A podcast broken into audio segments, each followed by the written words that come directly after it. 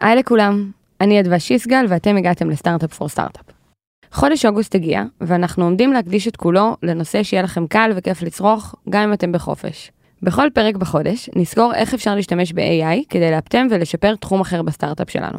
מה הכלים שקיימים ואיך נכון להשתמש בהם.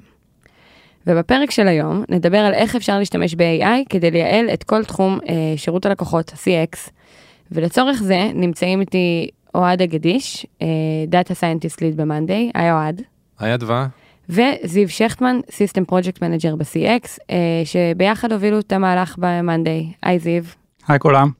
Uh, זהו, ואנחנו באמת נדבר היום על למה בעצם, מה, מה ההזדמנות בלהכניס AI לתוך השירות לקוחות שלנו, איך עשינו את זה בפועל, ומה עדיין מאתגר. שנתחיל? יאללה. בואו נעשה את זה.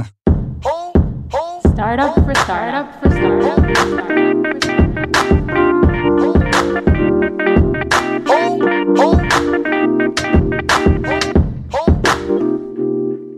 אז זיו, אז אני רוצה להתחיל איתך, רגע, לפני שאנחנו נכנסים לאיך ו- ומה עשינו בפועל, ולהבין למה, למה בכלל צריך להכניס AI לשירות לקוחות.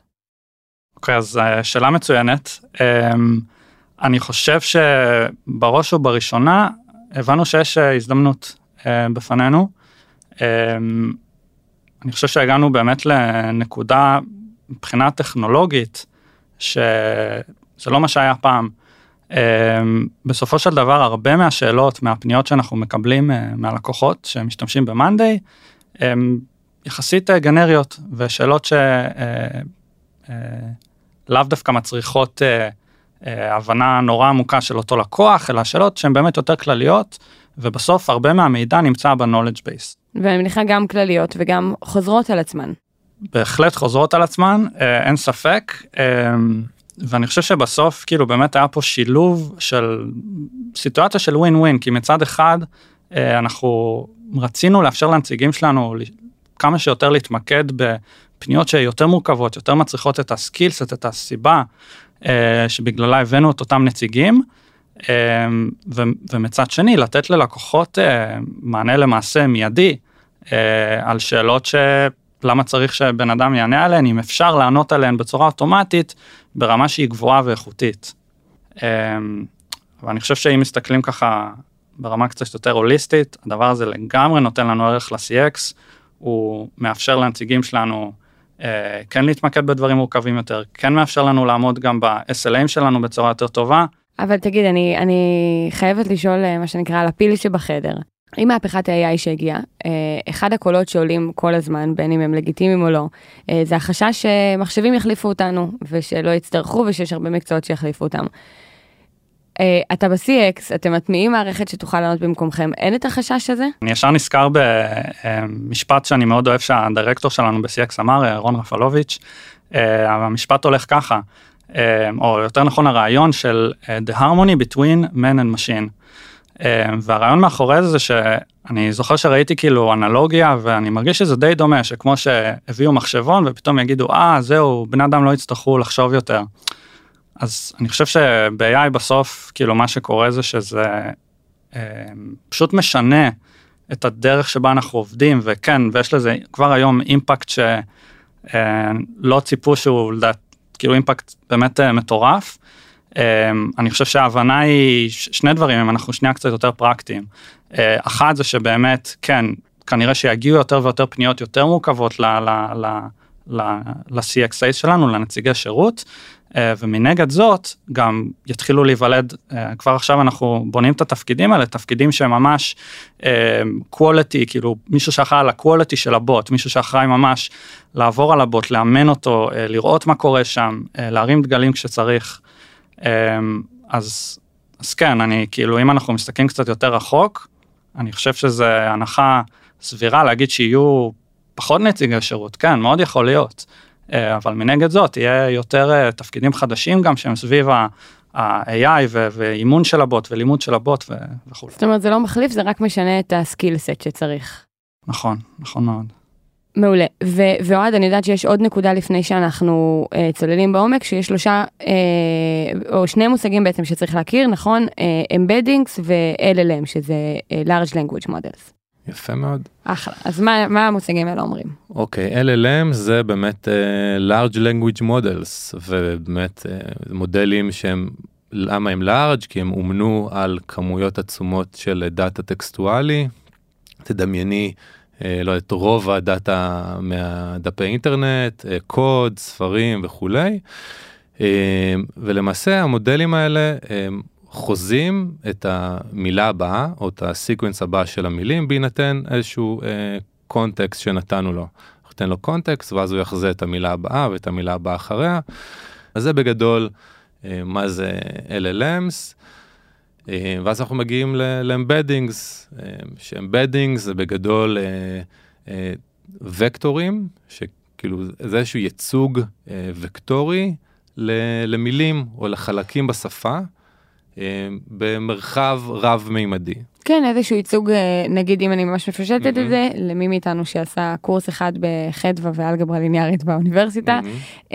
זה בעצם איזשהו ייצוג מספרי, נכון שאפשר לשים למשל על גרף של שני צירים, ואחר כך לראות איזה ייצוגים אחרים מספריים נמצאים לידו, וככה להבין איזה מילים קרובות זו לזו. מדהים, כן, ובאמת הוקטורים האלה שומרים על אה, משמעות uh, סמנטית, באמת וקטורים שיש להם את אותה משמעות, הם יהיו קרובים יותר אחד לשני במרחב הזה. אז למשל, אם אנחנו נייצג בצורה וקטורית עם embeddings את Startup for Startup ונייצר לו איזשהו וקטור embeddings, אז אנחנו, הוא, הוקטור שלו יהיה דומה וקרוב במרחב לווקטורים של אה, פודקאסטים דומים לו, כמו 30 אה, דקות או פחות, עוד פעם. כן, להעתיק בפקקים, כן. זה קצת כמו מי שמכם מכיר ומאזין את המשחק mm. סמנטל, אם אתם לא מכירים אני ממליצה בחום, אה, שאתם צריכים לגלות את המילה שלכם לפי המילים האחרות שקרובות אליה, אז זה עובד אותו דבר. ומשהו אחרון שחשוב להבין זה גם מה שנקרא סמנטיק סרצ', חיפוש סמנטי, שלמעשה אנחנו רוצים למצוא מה הוקטורים הכי דומים אה, לוקטור מסוים, ואז אנחנו גם נקבל וקטורים שהם דומים במשמעות הסמנטית שלהם, כמו מה שדיברנו מקודם על, ה, על הוקטורים של הפודקאסטים. טוב. למשל, יהיה לי את, הפודק... את הוקטור embedding של Startup for Startup, אני אגיד לו, בוא נחפש מי הכי דומה אה, לוקטור הזה, ואנחנו נקבל, אה, נגיד, את 30 דקות או פחות אה, וכולי. מעולה. אז עכשיו הבנו מה זה uh, LLM, מה זה Embeddings uh, ומה זה Semantic Search, איך כל אלה מתחברים למה שעשיתם בפועל ומה למעשה עשיתם בפועל. אוקיי, okay, אז אנחנו השתמשנו בשיטה, במתודולוגיה שנקראת uh, RAG, שזה למעשה Retrieval Augmented uh, Generation, uh, ולמעשה uh, אנחנו בתור התחלה לקחנו את כל ה... Uh, knowledge שיש לנו ב-Help Center, כל הדאטה של מאנדיי שלמעשה עוזר לאנשים להבין איך עושים דברים בצורה טקסטואלית וזה דאטה שהוא public. אה, ולקחנו את כל הדאטה הזה והעברנו אותו דרך אה, מודל embeddings אה, והפכנו את כל הטקסט לווקטורים של embeddings שמייצגים את הטקסט הזה ואחסנו אותו באיזשהו database. אוקיי, אוקיי, שתי שאלות טכניות אממ. אה, שעולות לי. אחד בעצם, אז אם אני רוצה לעשות את זה, אני חייבת שיהיה לי כבר איזשהו מאגר ידע בארגון, נכון? אם אני עכשיו אממ. סטארט-אפ שקם, אני לא יכולה להתחיל ככה את השירות לקוחות שלי. לגמרי, כן, צריכה שהידע הזה יהיה קיים איפשהו בצורה טקסטואלית. מעולה, והשאלה הטכנית השנייה היא, אמרת שהכנסתם את זה לאיזשהו מודל של embeddings, זה משהו שקיים ברשת, זה משהו שאתם בניתם. אממ, אנחנו באמת התחלנו עם משהו שקיים, עם מודל embeddings של OpenAI. כן, אז כאילו גם קיימים כל מיני מודלים נוספים שהם open source ואפשר להשתמש בהם ולבנות משהו שהוא custom made. אנחנו התחלנו בשלב הראשון עם מודל של אה, OpenAI. אוקיי, אוקיי, מעולה. אה, אז עשיתם את זה, מה השלב הבא? אוקיי, אוקיי, אז זה באמת השלב הראשון, אה, שאנחנו באמת עוטפים, הופכים את כל הטקסט שלנו ל-embedding ושמים את זה באיזשהו database. אה, ואז השלב הבא מגיע איזושהי שאלה, כאילו איזושהי שאלה טקסטואלית.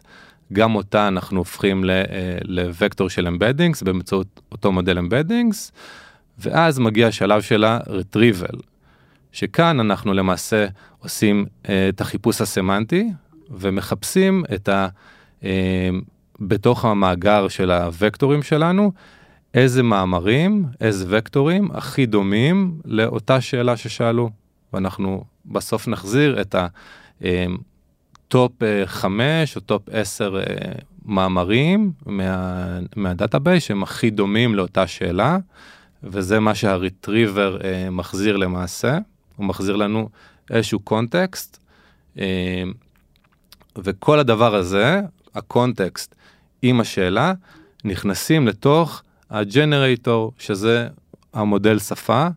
במקרה שלנו השתמשנו ב-GPT 3.5 אה, של OpenAI, והג'נרל למעשה פשוט עונה, מחזיר את התשובה. כאילו בפרומפט אנחנו מכניסים לו את ה... תענה על השאלה הבאה על בסיס רק הקונטקסט הזה, וככה אנחנו גם מגבילים אותו לא לענות אה, בצורה, כאילו לא לענות מדברים שהוא, מדברים שהוא למד במקום אחר. זאת אומרת, זה איזשהו תהליך דו-שלבי, השלב הראשון זה בעצם למשוך את כל הלינקים שיש בהם את התוכן הרלוונטי לשאלה, והשלב השני זה שהמודל ייקח את כל התוכן הזה ויפיק ממנו תשובה. כן, לא כל הלינקים, אלא ממש אנחנו מביאים את, ה, את הטקסט עצמו. אה, אוקיי. עשינו חיפוש סמנטי עם הוקטורים, מצאנו איזה וקטורים הכי דומים ל- לוקטור של השאלה, והחזרנו את הטקסט שלהם. אה, ואז אנחנו לוקחים את הטקסט של המאמרים האלה ביחד עם השאלה, ומכניסים את זה לתוך אה, פרומפט, לתוך מודל אה, שפה שעונה לנו על השאלה בסופו של דבר. אוקיי, מעולה. אז עשינו את זה, אני מניחה שזה היה איזשהו פיילוט, נכון, רצינו לבדוק שזה עובד, קיבלתם, שאלתם כמה שאלות, קיבלתם כמה תשובות. איך אתם יודעים שאלה תשובות נכונות? איך אתם יודעים שהדבר הזה, אפשר להתחיל לעשות לו scale והשקה שיענה ללקוחות? אה, שאלה מצוינת, אז כאילו באמת אה, אין לנו איזשהו אה, ground truth לדבר הזה, בדרך כלל במודלים של אה, Machine Learning אז יש לנו איזשהו לייבל, במקרה הזה לא היה לנו, אז היינו צריכים חבר'ה מה, מה-CX, במקרה שלנו ויקטוריה, שלמעשה דגמה כאילו בחלק מה-POC, אז היא עברה על התשובות ועל השאלות ודירגה אותם ונתנה להם אה, סקור, אה, וככה הבנו איפה אנחנו עומדים מבחינת אה, האיכות של התשובות והאקיורסי שלהם. זאת אומרת, ההתחלה היא מאוד ידנית, אנחנו ממש מהמם. נותנים את זה לבן אדם שיכול אה, לבחון את זה ולהגיד כן, לא ובאיזה רמה. כן, כן לגמרי, עבדנו בצורה אופליינית, הרצנו את זה לוקאלית והוצאנו כזה קובץ אה, CSV וככה עבדנו אה, כאילו ידנית כזה בריוויו אה, וגם להבין איפה אנחנו טועים ולמה, איפה חסר לנו מידע, איפה אולי אנחנו רואים שאנחנו טועים יותר מדי בדומיינים מסוימים. אה, נגיד שאלות billing שראינו שאנחנו לא מספיק טובים בהם אז אה, הוצאנו את זה מה-scope אה, ובמקביל אנחנו משפרים את התחום הזה של ה-billing ומוסיפים עוד אה, עוד knowledge לתוך ה-help center אה, וזה גם אחר כך ייכנס לתוך המודל וככה נוכל לענות על יותר שאלות גם בהמשך. עכשיו תגיד על כמה אה, על כמה שאלות כאלה מדובר כאילו מה צריך להיות גודל כמה כמה שאלות כאלה אתה צריך לתת לוויקטוריה או לצורך העניין או למישהו מה-CX שיבדוק לפני שתוכל להגיד אה, אוקיי אני זה, זה בשל או אז אה, כמה כמה מאות כאילו נראה לי עברנו על איזה 200. אה זה פרויקט אה, רציני זאת אומרת כן, זה עשינו איזה כמה סייקלים כאלה מהמם. עד שהם אמרו כי אנחנו מרוצים אפשר אה, לצאת לדרך. אוקיי, אז רגע זיו, אני רוצה לשאול אותך לעצור רגע. אמ, אוהד סיפר שוויקטוריה מה-CX בעצם ישבה ועברה על 200 אה, אה, תשובות עד שבכלל הרגשתם בנוח לשחרר את זה ללקוחות. מה, מה אתם מחפשים לראות בתשובות? כאילו איך אתם יודעים שהגיע הרגע שהוא מוכן?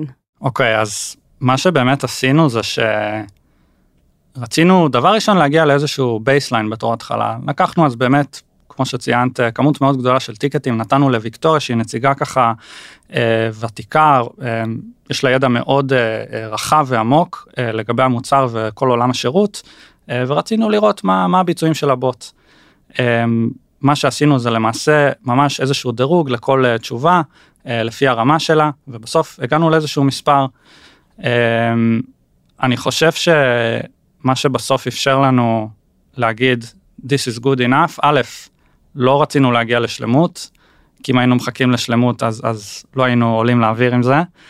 אה, אז בגדול שני דברים שרצינו לראות אחד זה שהדיוק הכללי זאת אומרת התשובה אה, שהבוט עונה היא לא רחוקה אפילו הייתי אומר ממה שנציג היה עונה. חיפשנו לראות, בסוף לא רצינו לפגוע שזה יבוא על חשבון אה, רמת השירות. אה, הדבר הנוסף, שזה אזור שהייתי אומר שעוד היום הוא יוצר, אה, יש איתו אתגרים, זה איך אנחנו, אה, בוא נאמר, נמנעים ממצבים שהם יכולים להיות כאילו סוג של דגל אדום, כאילו מה לא היינו באמת רוצים להגיד ללקוח, דברים שאולי יכולים אפילו להטעות, אמ, אולי דברים שלא קיימים במוצר ופתאום כי, כי הדברים האלה יכולים לקרות עם הטכנולוגיה הזאת. אבל אני, אני רגע מאתגרת אותך עוד קצת לנסות לחשוב, הגדרתם איזה ש... כאילו, אתה אומר, רצינו שזה יהיה קרוב למה שנציג אה, יענה. יש איזה guidelines שממש חיפשתם שאמרתם, אוקיי, אם א', ב', ג' מתקיים, זה אומר שזה קרוב למה שנציג, אחרת זה מאוד אינטואיטיבי, יכול להיות שוויקטוריה תגיד התשובה הזאת דומה, ומישהי אחרת שתסתכל תגיד, התשובה הזאת לא דומה. כן, אז, אז בשונה מנציג שירות, אה, במקרה הזה של, ה, של הפתרון שהרמנו, הדגש היה יותר על, ה, על התשובה התכלסית, פחות כאילו הבוט אה, אין לו, אין ממש את החלק של הבעת אמפתיה אה, מהבחינה הזאת, זאת אומרת התשובה היא לרוב תהיה מאוד מאוד עניינית, ומה שהיה חשוב לנו לראות זה שהתשובה היא באמת עונה על השאלה בצורה ישירה, שהתשובה גם ספציפית יחסית, לא סתם לשלוח לינק למאמר ובהצלחה. Uh, אני חושב שפה הופתענו, וואו, המון מאיתנו הופתעו, גם אנשים שהם המון זמן ב-CX, שממש ראו דוגמאות לשאלה נורא ספציפית, אה, אחת הדוגמאות שעולות הרבה זה שאלות של פורמולה. פורמולה זה שאלות שאתה באופן כמעט uh, כמו קסם במרכאות אני אגיד, הבוט מצליח ממש להרכיב נוסחה שהיא עונה ממש ספציפית על, על מה שהלקוח ביקש מאיתנו. לפני שעלינו לאוויר עם, ה, עם סוג של A-B טסט, אה, אנחנו הגענו ל-70 אחוז accuracy, וזה הרגיש לנו, זה הרגיש לנו שזה עבר את ה-threshold, אה, עשינו איזושהי פגישה פנימית עם ה-stakeholderים ואמרנו, אוקיי, זה לא מושלם ואנחנו מוכ... אנחנו מרגישים בנ... מספיק בנוח כדי לעלות עם זה. מה שפה נורא חשוב לי להגיד, אנחנו לא עשינו שגר ושכח, להפך, עשינו המון המון monitoring על הדבר הזה.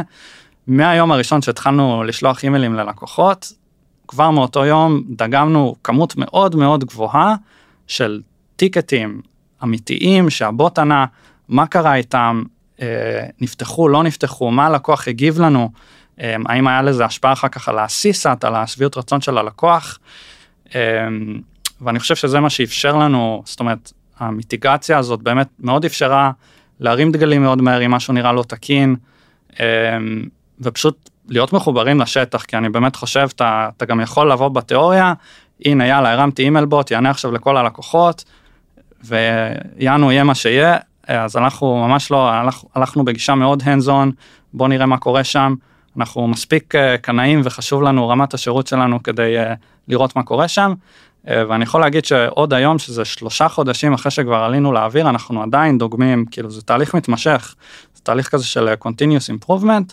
שכל שבוע אנחנו בין 100 ל-200 טיקטים פשוט דוגמים, רואים מה קורה, ואני חושב שגם הטאסק פורס הזה שיצרנו, כאילו, זה מדהים, יש המון, כולם נורא רתומים, וכולם יודעים שהאימפקט, מאוד קל לראות את האימפקט של הדבר הזה, זה, זה טיקטים שאנחנו נותנים תשובה מיידית, ואנחנו ממש, כאילו, לקוחות גם נותנים לנו פידבק, הם אומרים, וואו, תקשיבו, עשיתם עבודה, כאילו, ת, ת, ת, תדווחו למעלה שמי שהרים את הדבר הזה, זה מדהים, כאילו. הלקוחות יודעים שזה בוט שמדבר איתם?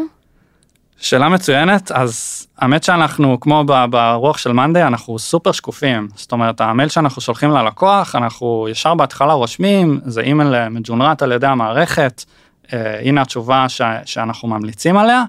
עם זאת, בתחתית המייל יש לנו סוג של call to action, לא פתרנו לך את הבעיה, אין שום בעיה, בוא, בוא תגיב לנו אה, ונציג אה, בן אדם, זאת אומרת, אה, ישמח לעזור לך. ותגיד, אתה חושב שאתם אה, לתמיד תצטרכו להמשיך לדגום את המיילים, או שלאט לאט זה הולך לכ... לכיוון של כבר תוכלו לסמוך על זה? אני חושב שהרמה שבה אנחנו נעשה את זה היא תפחת, אני, קשה לי להגיד שאנחנו נפסיק לחלוטין, אמ, אבל אני כן חושב שעם הזמן אנחנו גם אה, למדנו לייצר פרוססים שהם קצת יותר, אה, זאת אומרת, פרוססים שנותנים לנו יותר חיווי. אחד הדברים שאנחנו אה, שוקל, אה, עובדים עכשיו אה, לעשות כאיזשהו צעד אה, הבא, זה לעשות ממש סיסאט על הבוט. אני אציין שהיום יש לנו סיסאט על הנציגים שלנו, על הנציגים שנותנים את השירות. אין לנו בדיוק סיסאט על הבוט, האינדיקציה שיש לנו על האפקטיביות של הבוט היא בגדול האם, האם הלקוח, זאת אומרת, עשה re-open לטיקט, מהמם. האם הוא הגיב ופתח את הטיקט, ואנחנו כן רוצים לקחת את זה לשלב הבא, וממש כמו שיש לנו סיסאט על נציגים, גם לעשות איזשהו סיסאט על הבוט כדי לקבל כן קצת יותר אינפוט מהלקוחות שלנו על איך הם חווים את הדבר הזה.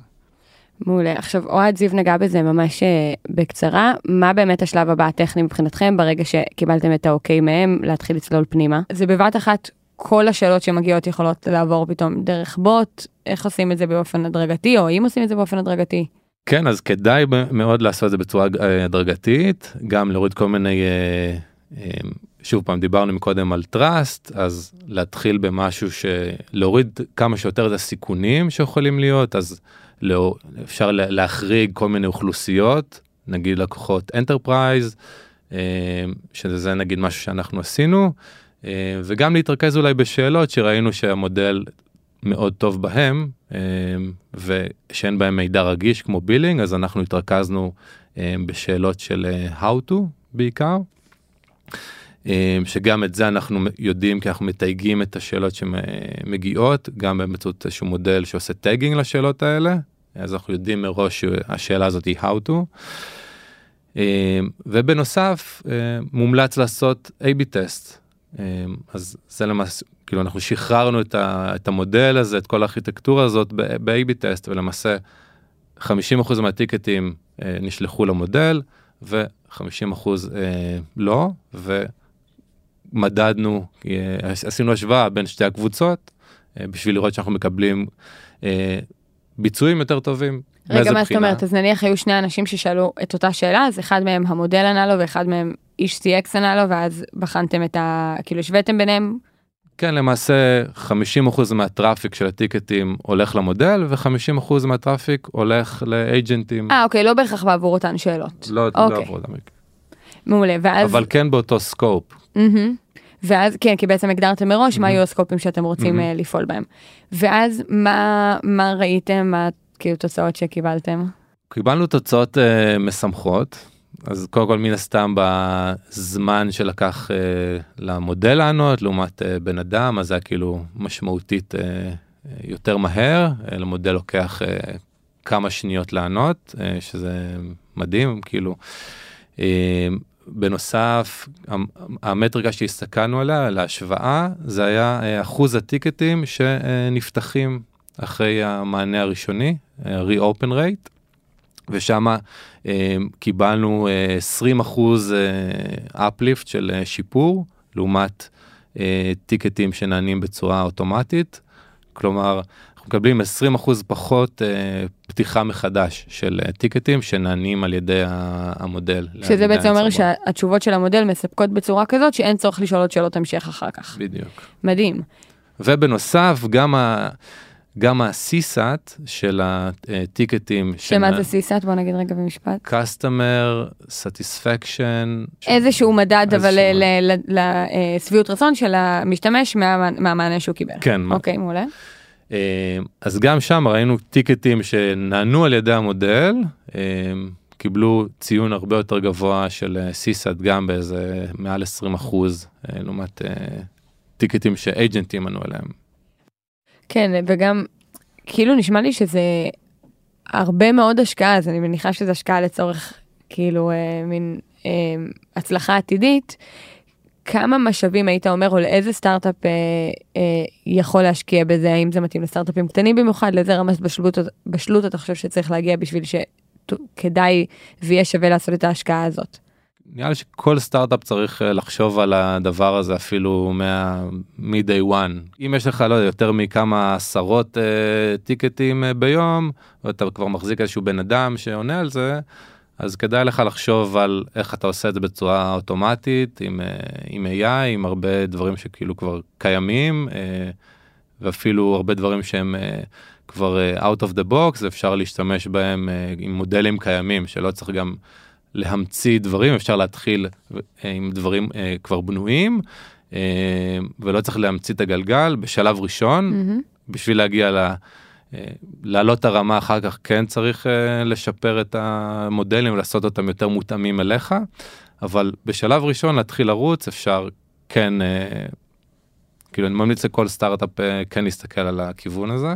כן, לפחות אני מניחה, גם אם אתם עדיין מאוד מאוד קטנים ואין לכם כמות טיקטים שמצדיקה את ההשקעה הזאת, או כמות כוח אדם שיכולה לעזור לה, לפחות תתחילו לאסוף דאטה, כי עכשיו שהטכנולוגיה הזאת קיימת, בוודאות תגיע נקודה שבה תרצו ויהיה לכם כדאי להשתמש בה, ואז אתם תרצו שיהיה לכם את הדאטה, אז אני מניחה שזה יכול להיות, יש, אני יודעת שיש לנו במאנדי הרבה מאגרי ידע, אבל זה גם יכול להיות דברים כמו אה, פשוט לשמור את כל התשובות שאנשי CX אי פעם ענו לטיקטים, ואחר כך גם את הדבר הזה המודל יכול ללמוד. מהמם.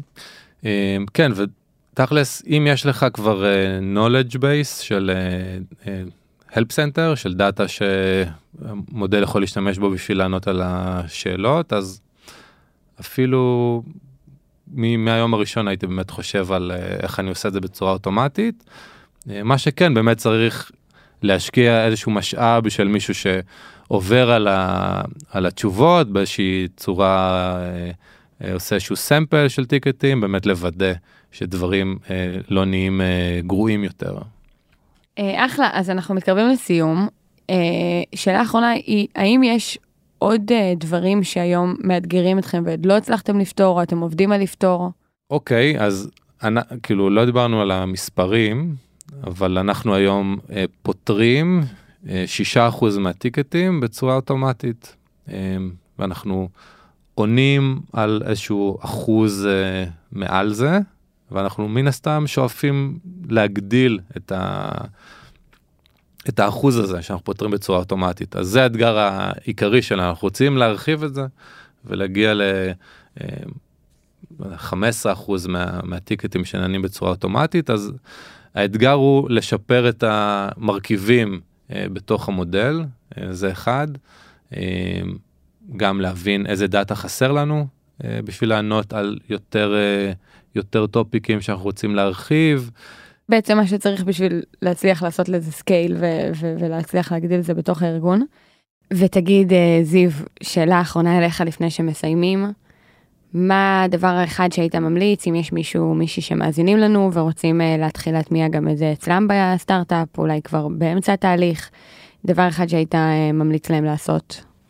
אז אני חושב שהדבר אולי הכי חשוב זה תבינו עם עצמכם מה, מה אתם ומה הארגון צריך לראות שיקרה כדי לא לפחד כל כך מהדבר הזה.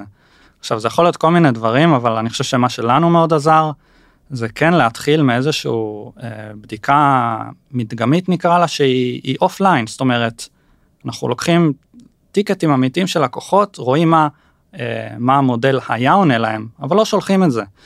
אה, ואני חושב שזה באמת פשוט עבודה תהליכית, התהליך פה הוא נורא חשוב, לראות מה הרמה, אה, להבין מה הפערים, אה, וכל הזמן לתכנן הלאה כאילו איך עושים את הדבר הזה בצורה שהיא תהיה אה, כן כאילו מבוקרת, כן עם יד על הדופק, ו, וגם לדעת לשחרר, אבל בהדרגתיות, וכשמרגישים מוכנים לזה.